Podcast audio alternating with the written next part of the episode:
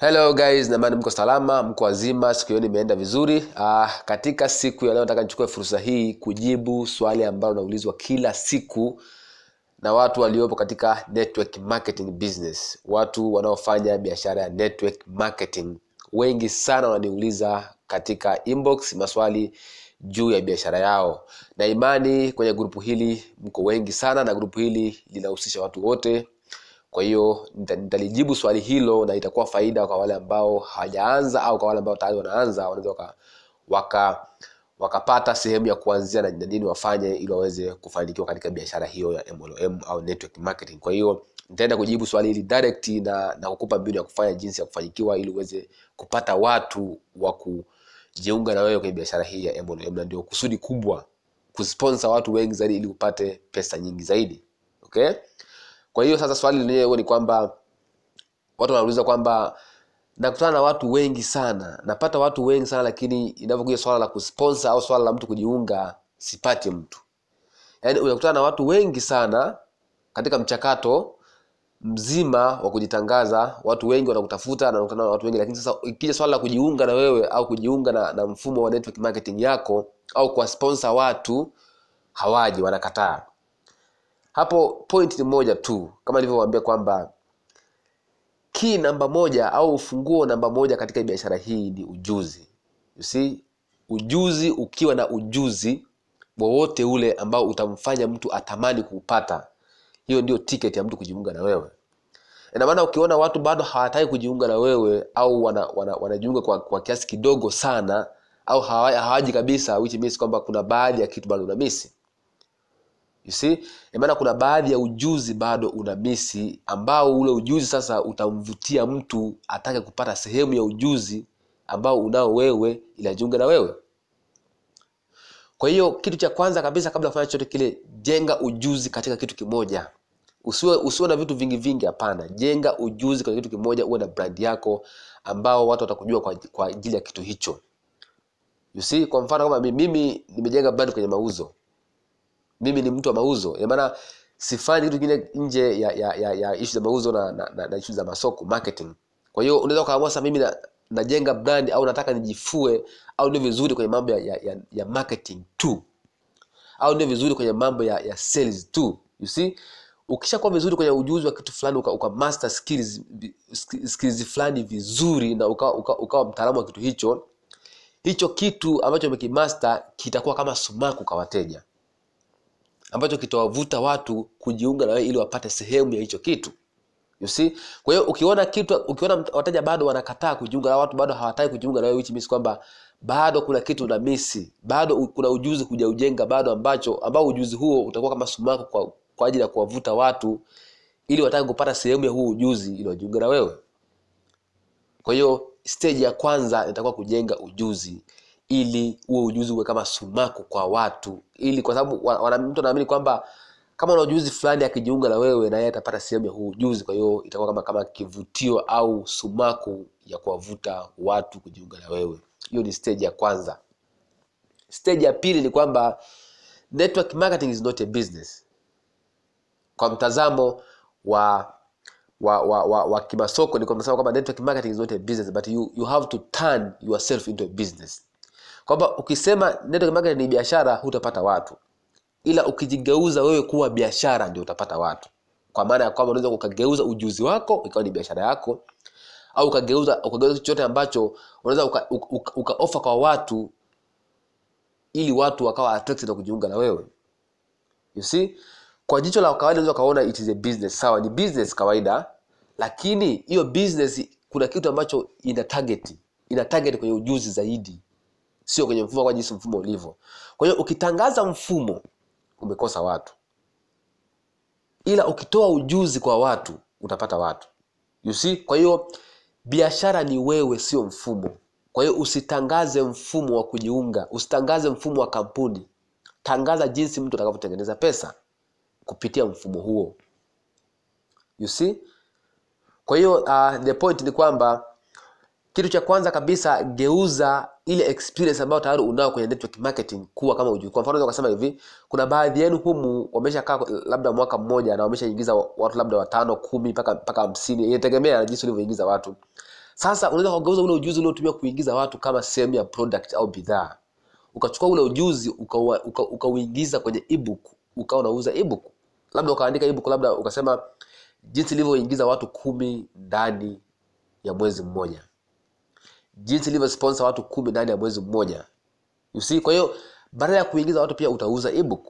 Kwa hiyo utashangaa unapata pesa nje hata kutegemea distributors au downlines. Utapata pesa kwa sababu ume, umeuza experience ambayo umeitumia kusponsor au kupata downlines kwenye, kwenye network marketing. You see? Kwa hiyo ule ujuzi ndio commodity ndio bidhaa ambayo unaweza ukaiuza kwa watu na watu wakainunua then wakajiunga na wewe. Kwa hiyo tujue hilo kwa hiyo geuza ujuzi wako kwanza kuwa bidhaa au wewe mwenyewe kuwa bidhaa. Ndio maana kwenye kitabu kile nimeandika kitu kinaitwa you ink you ink maana yake you are the business you are the company. Wewe ni biashara wewe ni kampuni. Usitegemee kampuni kama kampuni hapana. Nataka ujigeuze wewe kuwa biashara kwa kubadilisha ujuzi ulionao juu ya biashara hiyo ili kupata watu. You see? Kwa hiyo fanya kitu hicho. Cha kwanza kabisa brand jibrand jiposition kwenye soko kwa sababu ukijiposition ukijibrand watu wakujua, wakujua kwa jina kwa kitu fulani tu ambacho unakijua vizuri cha kwanza cha kwanza utaua ushindani kwa sababu hakuna mtu mwingine zaidi yako wewe. Huwa kuna kopia ya, ya mtu ya aina moja tu ambayo ni yeye tu. Ukishajua kitu fulani umeshaua ushindani. Kwa sababu watu watakufuata wewe. You see kwa hiyo ukishaji brand hivyo. Then cha pili geuza huo ujuzi kuwa bidhaa. Then hiyo bidhaa iuze kwa watu. Hivyo ndivyo tunavyofanya kwenye network marketing. Kwa hiyo ukishafanya hivyo utashangaa tu watu watakuwa wanakuja wenyewe kujiunga na wewe. Kwa sababu tayari you have a skill tayari una ujuzi. Na huo ujuzi unaweza ukawa unauza ujuzi kwenye ebook au kitabu. Kwa hiyo licha ya kutegemea downlines ili ya kuingizia pesa unauza ebook unapata pesa ya ziada. Kwa hiyo unaweza ukashangaa umekaa kwenye network marketing unaingiza pesa bila kutegemea downlines. You see? Ni kitu simple tu. The point ni kwamba tenga tu muda wa, wa kucompile mafaili yako compile ile experience yako vizuri then ipackage kwenye ebook. Usi ebook huwa huwaga hatuangalii page tunaangalia content zilizomo ndani. Inaweza kama ebook ina page ina page 25 au 20 lakini content zilizomo ndani ni vitu vizito ambavyo mtu akivisoma vinamuongezea kitu. You see kwa hiyo fanya hivyo na itakusaidia sana sana sana kuongeza idadi ya downlines kwa hiyo swali hili limekuwa likiulizwa sana na watu wengi wa network marketing. Na ka- na- na- na kama haupo kwenye network marketing basi utakuwa umepata kitu ambacho endapo unataka kuingia utajua jinsi ya kuanza ufanye nini ili uweze kufanikiwa kwenye biashara hiyo. Kwa hiyo na imani kuna watu kuna watu ambao wako humu wapo kwenye biashara hiyo nadhani nitakuwa nimejibu swali lenu na nimekuongezea kitu cha kufanya ili uweze kupata mafanikio kwenye biashara hii. Then tutaendelea kuangalia baadhi ya vitu vingine kwa nitakuwa nachanganya nitakuwa na natoa elimu kuhusu network marketing kwa sababu kuna watu ambao wako humu wapo kwenye biashara hiyo then narudi kwenye mauzo kwa ujumla kwa sababu tuko watu wa aina mbalimbali kwa hiyo nitakuwa nachanganya maada mbalimbali kutegemeana na jinsi ratiba itakavyoenda. Ila mwisho wa siku lazima tutafika tunakoenda kwa pamoja ambako ambako ni sehemu moja tu to the top. Lazima wote tufanikiwe kuna vitu vingi sana vinakuja vizuri kwa hiyo cha msingi kila mmoja namuomba ajenge ujuzi. Ukinunua kitabu kisome soma kitabu usikiweke sio pambo kisome. Ukikwama sehemu nipigie simu hata saa sita usiku bana nyanda kuna hapa nimekwama hapa unamaanisha nini? Unavyosema hivi. Nataka msaada hapa na hapa. Ndio maana ya grupu hili. Maana yake ni kiongozi maana yake ni, ni sehemu ya kuongozwa. Kama kama, kama, kama kuna sehemu umekwama utaongozwa utaelekezwa fanya pita hivi pita njia hii itakuwa rahisi. Ili usi- usi- usiteseke mwenyewe you see? Usi usinunue kitabu ukakiacha kisome tenga muda. Ukitenga siku mbili kitabu kinaisha kile sio kitabu kikubwa labda cha kutisha mapeji mia tano si mia ngapi. No. Kitabu kile ukitenga muda unakisoma ndani ya siku mbili au siku moja kinaisha kabisa kile. Then una, unaandika samari yako pembeni kama kuna sehemu hujaelewa unapigia simu unaniuliza mimi nakujibu muda huo huo. Muda wote niko active. Na naheshimu na hakuna watu, mtu ambaye na nadhani na, umeshahidi we- wengi wenu wengi wenu humu hakuna mtu ambaye sha kunitumia message saa tisa usiku nisi- nisijibu na mtu akiwa kwenye mentorship group hili ndakuwa active kuliko mtu yoyote yule. Zikituma Ziki- text mbili kati ya mtu ambaye yupo kwenye group la kawaida na mtu ambaye yupo kwenye mentorship nafungua kwanza mtu ambaye yupo kwenye mentorship kwa sababu hiyo ndio familia yangu. Kwani ndio watu ambao wamejiqualify kujiunga na mimi moja kwa moja.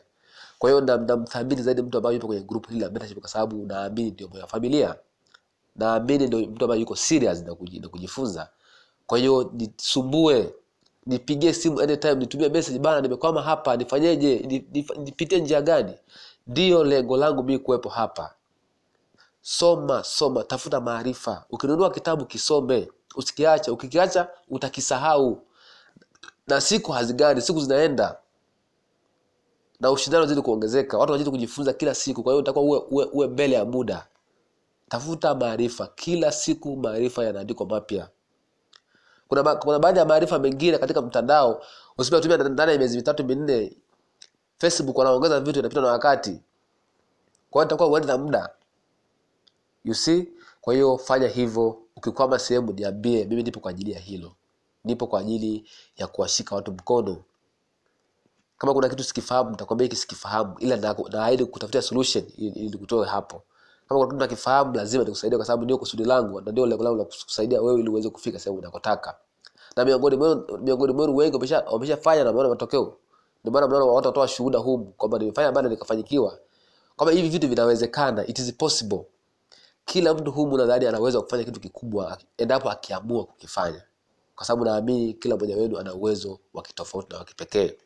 Na ukiamua it is possible hakuna genius. Ma genius wanatengenezwa kutokana na information. Ukiwa na information nyingi basi wewe ni genius. Ukiwa na uwezo wa kusimplify vitu ikawa ikawa rahisi wewe ni genius.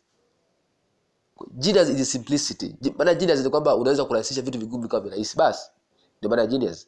Kwa hiyo ujitahidi kusoma hivyo vitu vitakusaidia sana. Asanteni sana